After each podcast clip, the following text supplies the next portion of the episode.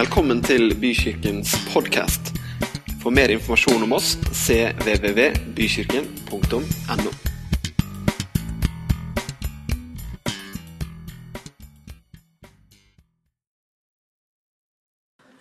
Takk, kjære Jesus, for at du er så stor, Herre.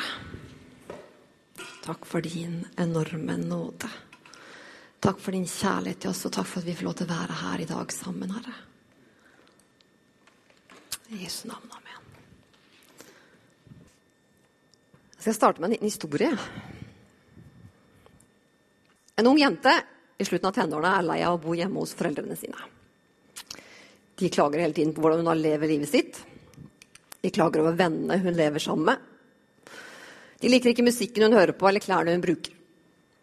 Hun vet hva de vil si om de så tatoveringene hun har fått laget på ryggen. De liker ikke at hun drikker alkohol. Når mamma og pappa en fredagskveld nekter jenta å delta på en fest i sentrum av Tønsberg, så velger hun å pakke bagen sin, hoppe ut av vinduet og stikke av. Hun tar bussen til Oslo, toget videre til Stockholm.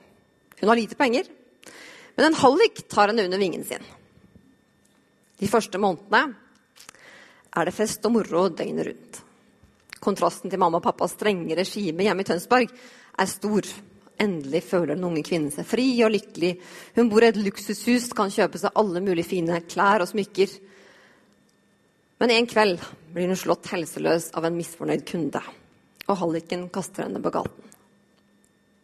Hun ender opp som gateprostituert, sover på ulike steder hver natt. Noen ganger under en bro, andre ganger får hun plass på en sovesal for uteliggere.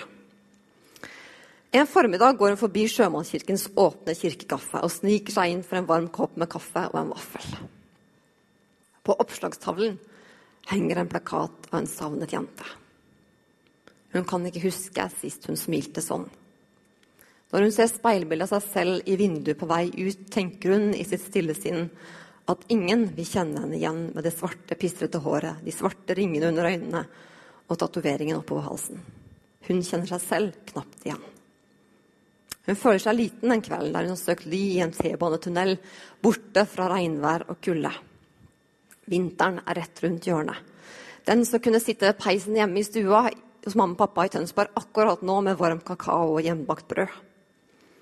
Hun får et innfall og bestiller togbillett hjem til Tønsberg. Hun ringer fra en telefonkiosk, men ingen tar telefonen. Hun legger hjem følgende beskjed på svareren. Hei, mamma og pappa. Det er meg. Jeg kommer til Tønsberg med tog i morgen klokka 18.00. Hun vet ikke hva mer hun skal si. Togturen er lang, og hun lurer på om hun skal gå av tog på hver stasjon de stopper. Hva hvis de ikke har hørt beskjeden? Hva hvis de ikke kommer fordi hun, de ikke vil? Og hun forsøker å lage nok en unnskyldningstale, men ingen av ordene blir bra nok. Når toget stopper i Tønsberg, kunne hun ønske at hun hadde hatt mer tid til å, stenge, til å, til å stelle seg og, og penger til å fikse håret, finne noen finere klær.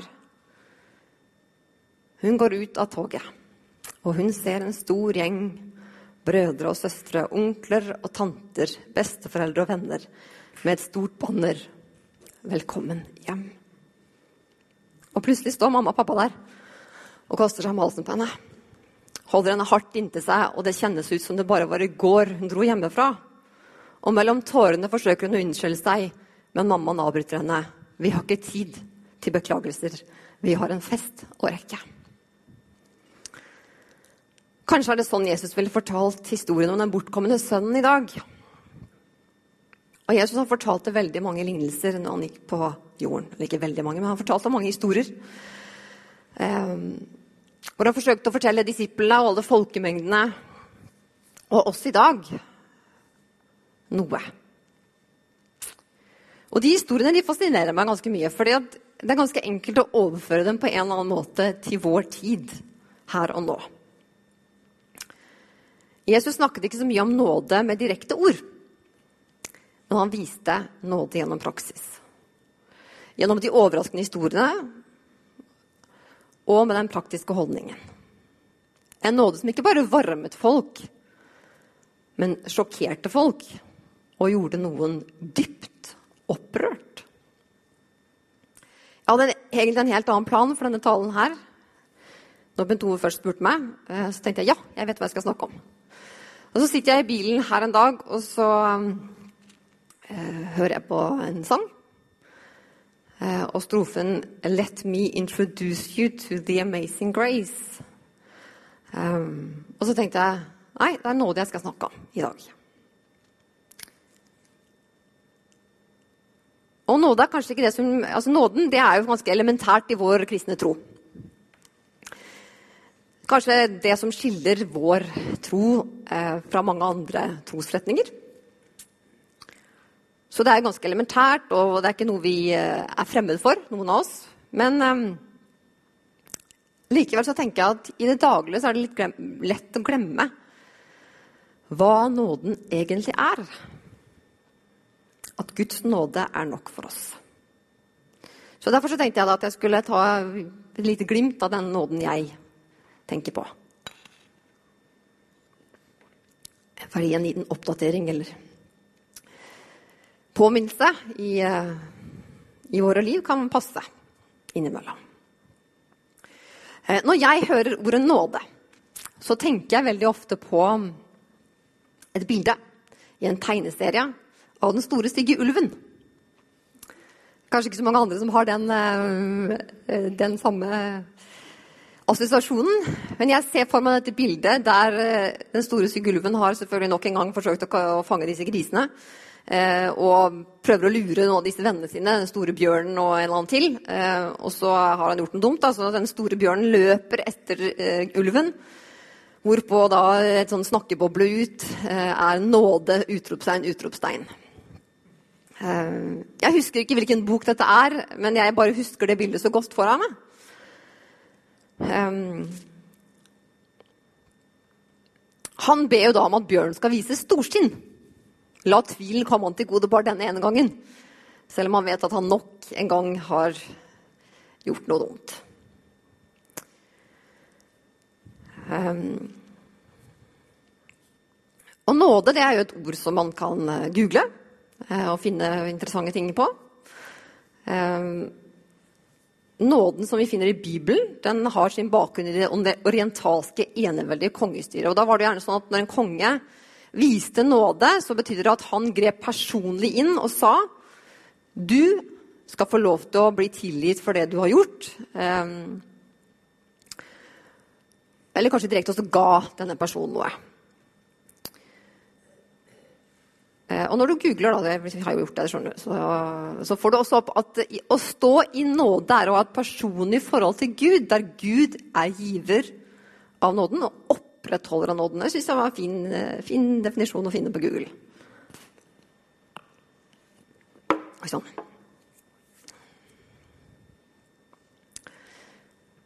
Så la oss gå til et bibelvers. Efeserne 2, 4-8.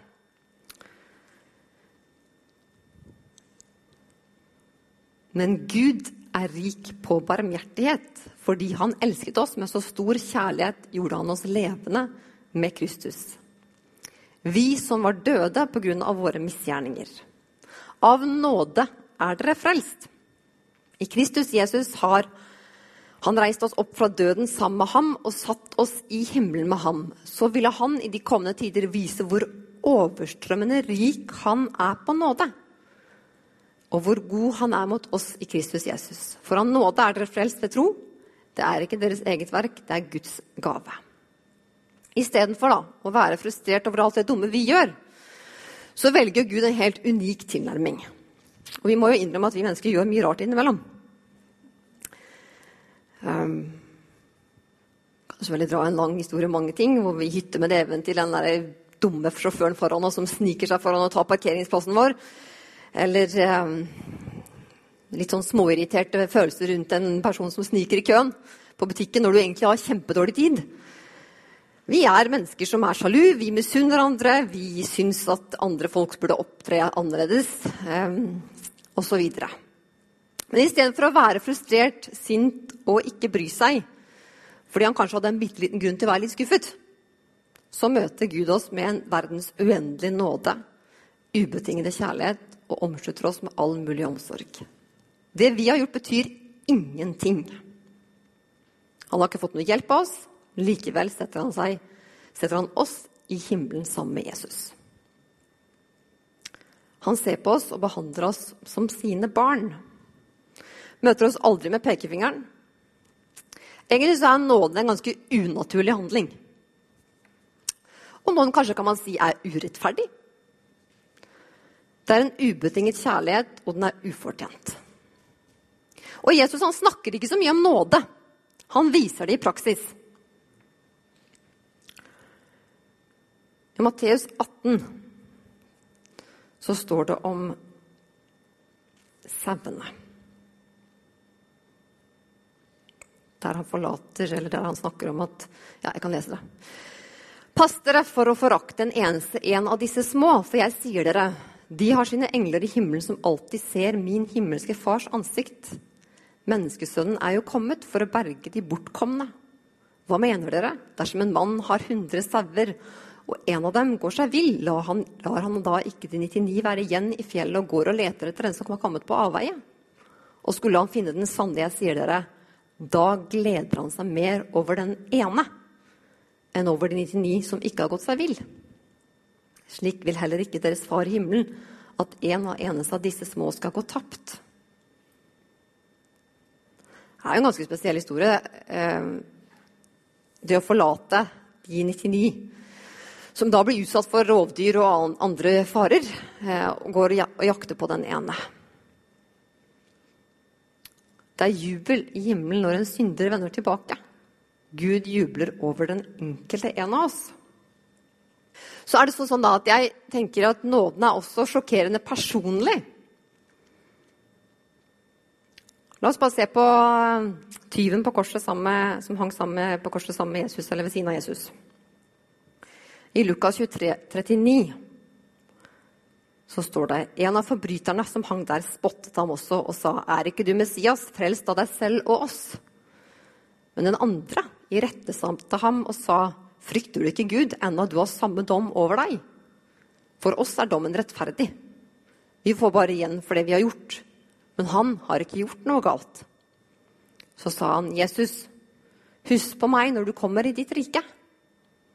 Og da svarte Jesus, sannelig, jeg sier deg, i dag skal du være med meg til paradis. Nåden er ikke avhengig av hva vi gjør for Gud, men hva Gud har gjort for oss. Det er en form for en alternativ kraft i denne nåden. Han kom for de syke. Han kom for synderne, ikke de rettferdige.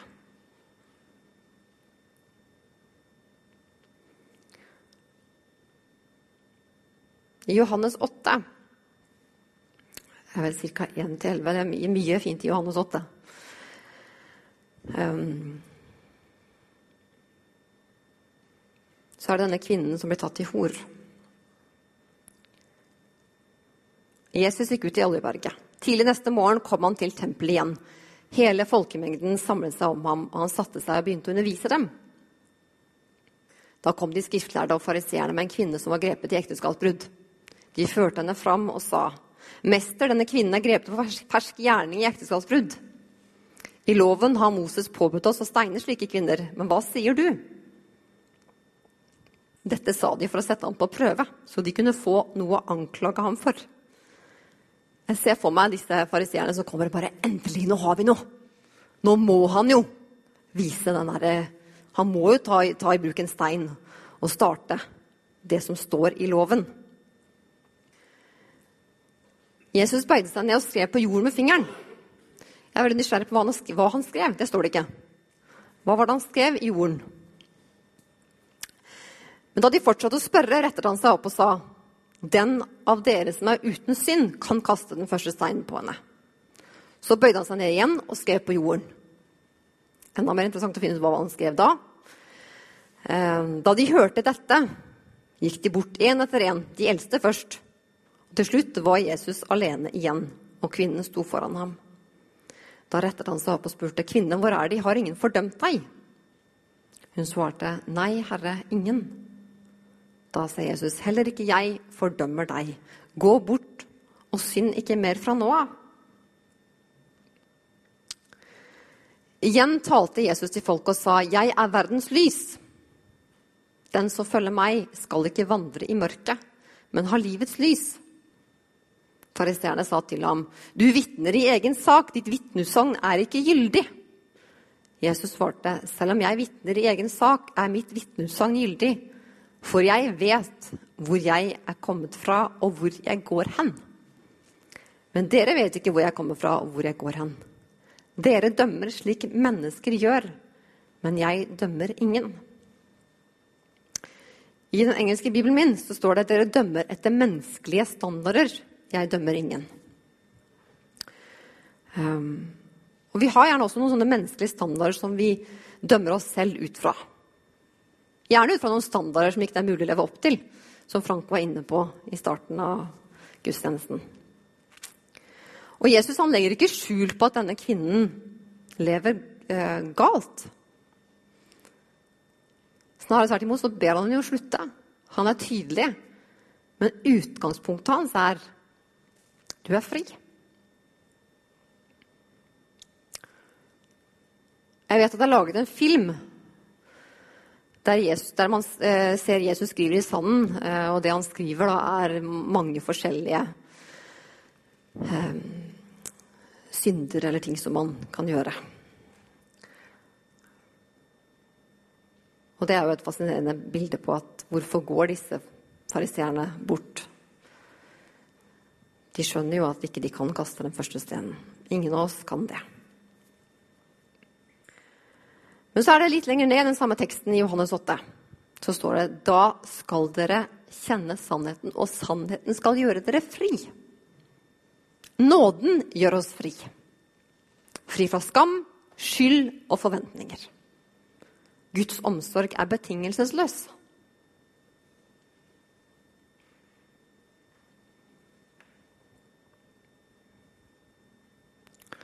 Paulus sier i et av korinterbrevene for når jeg er svak, da er jeg sterk.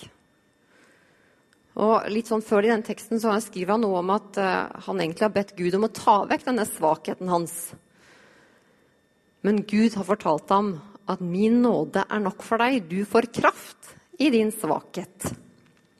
Eller i kraften fullendes i svakhet. Jeg syns ikke den er så god, godt begrep, så derfor sier jeg 'du får kraft i din svakhet'.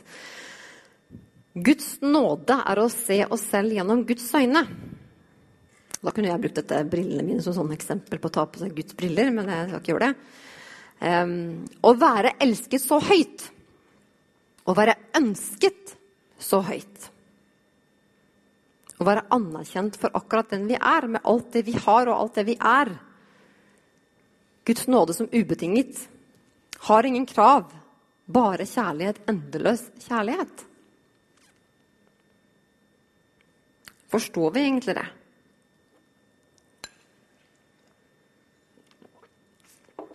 Sist jeg var ute og fløy, så hadde jeg en eh, interessant opplevelse. Um, vi var da flere som reiste sammen, men det var bare uh, no, to stykker som fikk lov til å sitte ved siden av hverandre. I hvert fall som reiste som par, og det var de to som sjekka inn. Frank og Anne Linn fikk lov til det. Vi andre ble plassert litt sånn ymse rundt omkring. Det var veldig tidlig på morgenen. Uh, men jeg satt altså ved siden av en fremmed, og jeg hadde egentlig bare tenkt at jeg, nå setter jeg meg rolig inn her og skal sove litt. Eh, så det var ganske stille på den turen. Jeg tror alle tenkte litt sånn at vi må bare stå og prøve å puste litt rolig og hvile litt før vi skal inn i masse møter denne dagen. Og så håpe at ikke man sitter og gjesper og sånn i løpet av de møtene.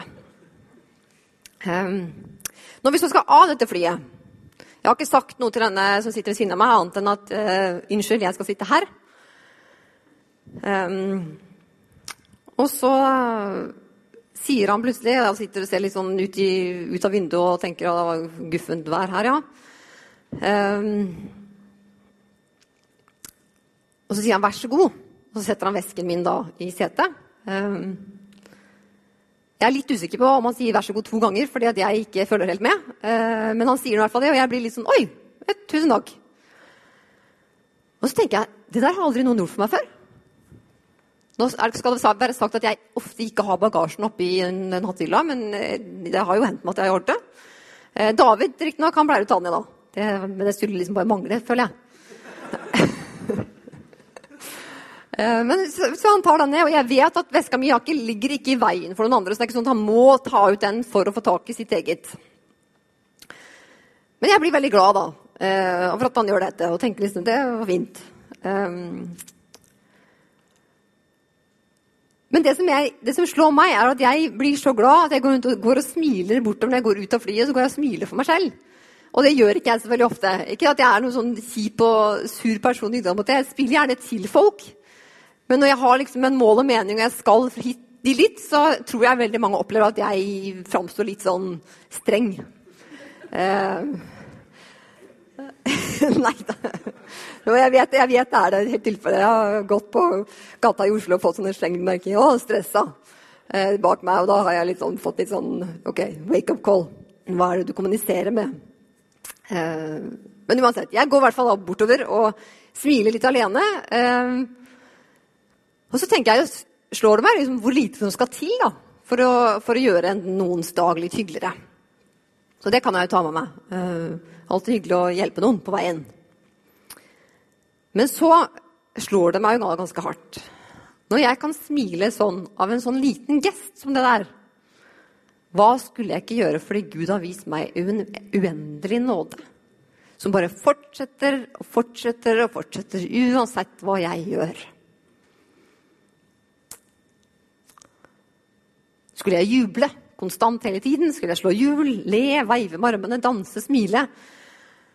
Jeg husker veldig godt når jeg var liten uh, og var på en gudstjeneste her i Tønsberg uh, og ble stående ved siden av en dame som under lovsangen, og da var det ekstremt lang lovsang. Det var ikke noen sånn fem sanger som vi har her. Da var det timevis med lovsang før man kom til denne prekenen.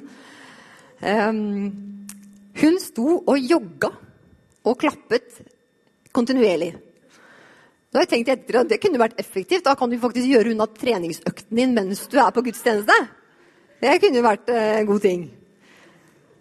Men jeg, jeg som liten syntes dette var veldig rart. Jeg synes Det var en underlig måte å liksom, tenke. Så hadde hun en spesiell, spesiell, rytme i denne måten hun gjorde det på. Og den var liksom kontinuerlig, så jeg ble litt sånn slått av det. Um, men jeg tror at hun hadde et behov for å uttrykke uh, at hun var glad. For det var ingen andre som gjorde det samme. Så det var ikke sånn at hun hang seg på en sånn ti stykk der framme som gjør dette. Det var hun gjorde det. Hadde sin greie på hvordan hun kommuniserte med Gud.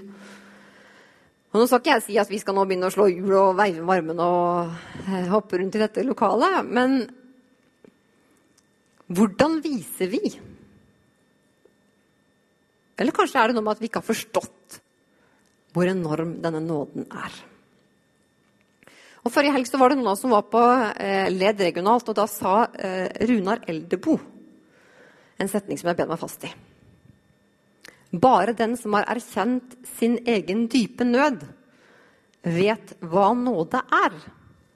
Og da med fokus på mennesker som kanskje har levd et litt hardt liv. Det er jo en ting å ta med seg, tenker jeg. Velge å gå litt mer i den der erkjennelsen av hva er egentlig denne nåden. Ehm, jeg er ikke så veldig bevandret i, eh, i lovsangsverden. Eh, jeg hører gjerne på de samme sangene igjen og igjen. De som jeg liker. Ehm, men så var det Bent Ove da, som introduserte meg for en ny sang.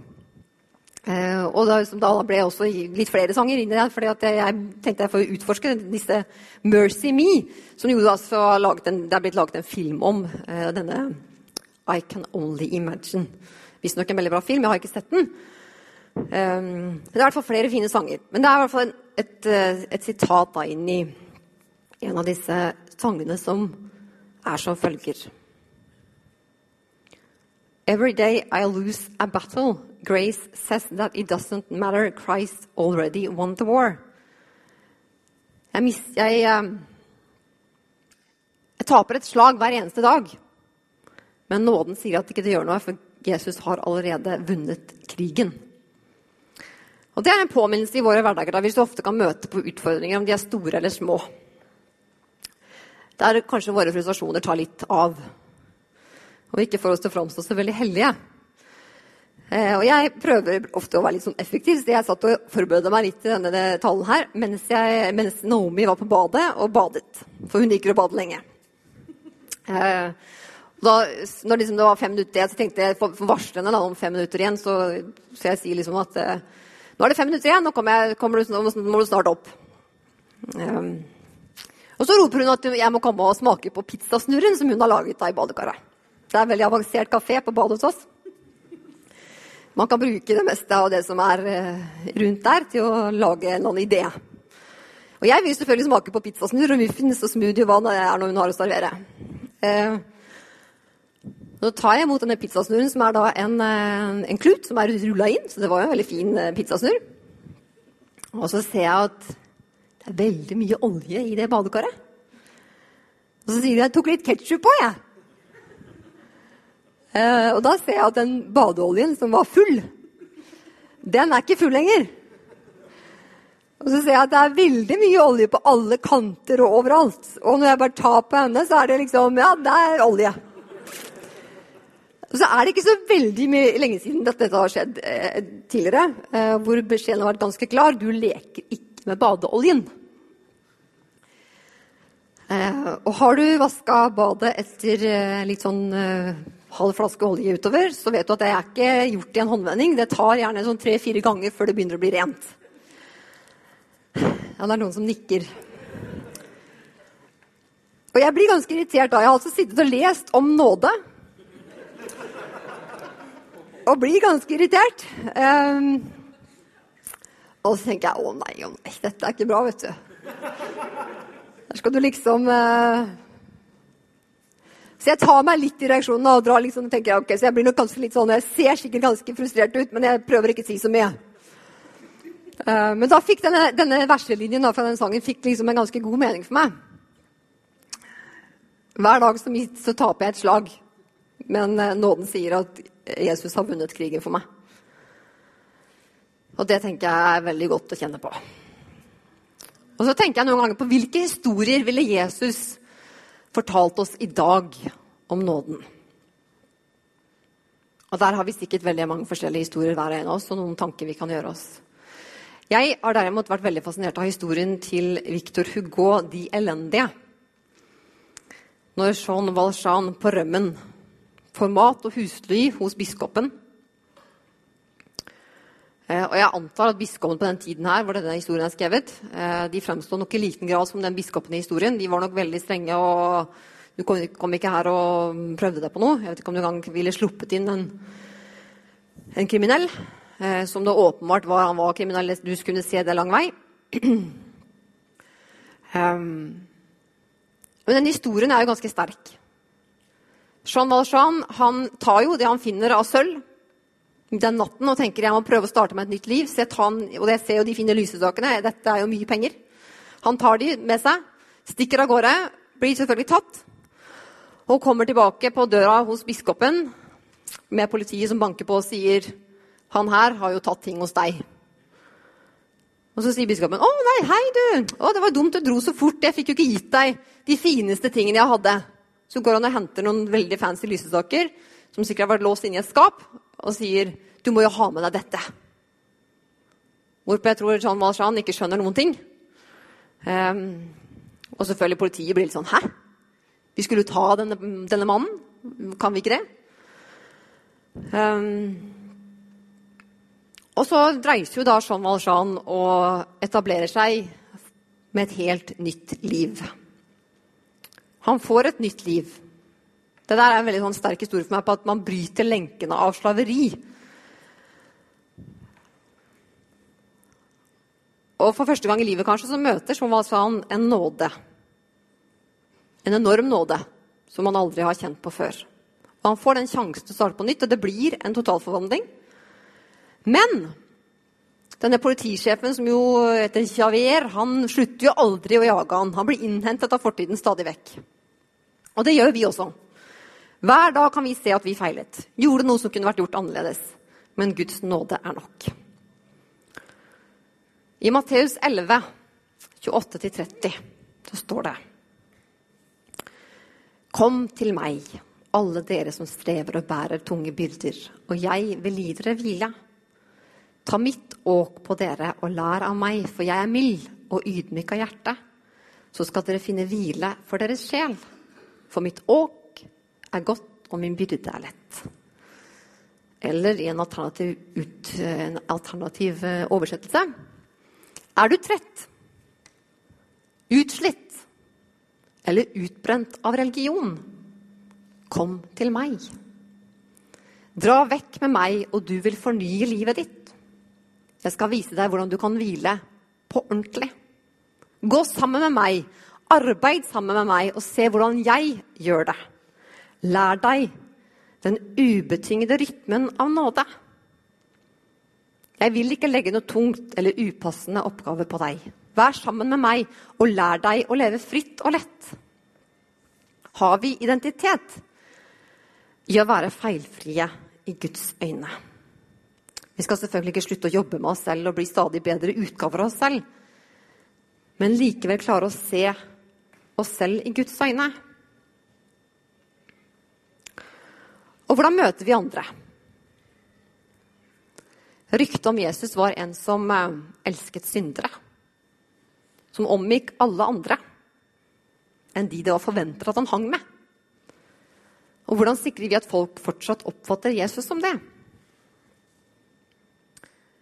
Jeg leste i en bok følgende sitat Jeg elsker Gud så mye som jeg elsker den personen jeg elsker minst.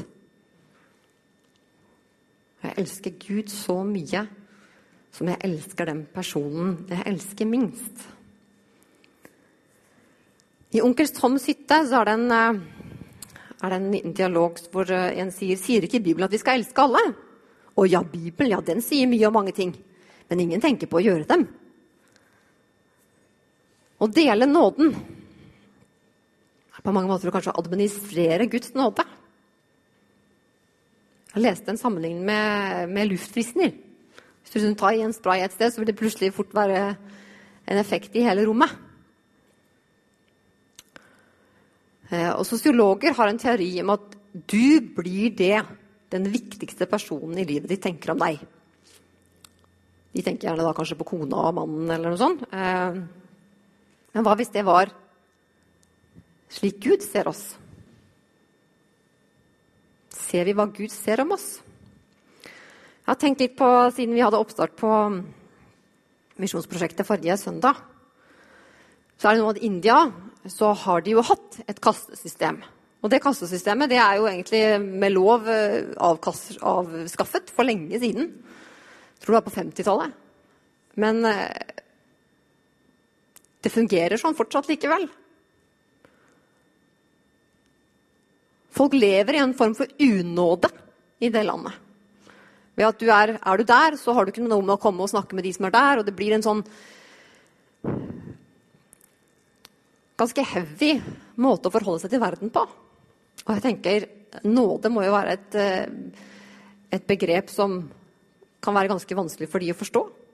Så tenker jeg kan samtidig også være en stor befrielse å få oppdage. Lovsangen kan gjerne komme opp.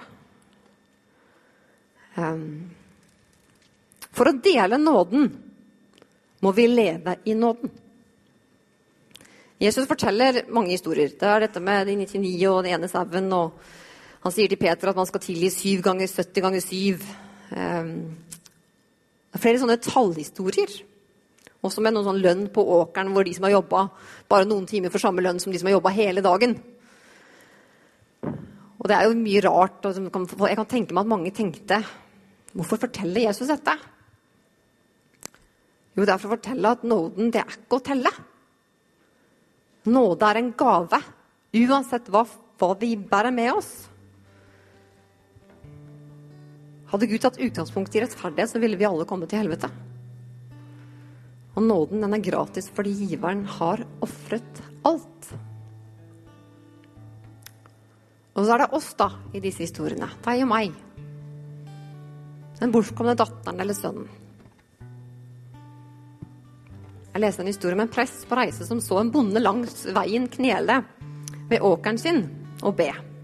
Stopper denne presten og sier, 'Du må ha et nært forhold til Gud'. Hvorpå bonden svarer, 'Ja, han er en stor fan av meg'. Ja, Gud er fan av oss. Det er ingenting vi kan gjøre for at Gud skal elske oss mer. Ingenting vi kan gjøre for at Gud skal elske oss mindre. Vi er akseptert. Spørsmålet er om vi følger, og forsøker stadig å leve litt mer i den nåden. Og lærer oss kanskje den ubetingede rytmen av nåde.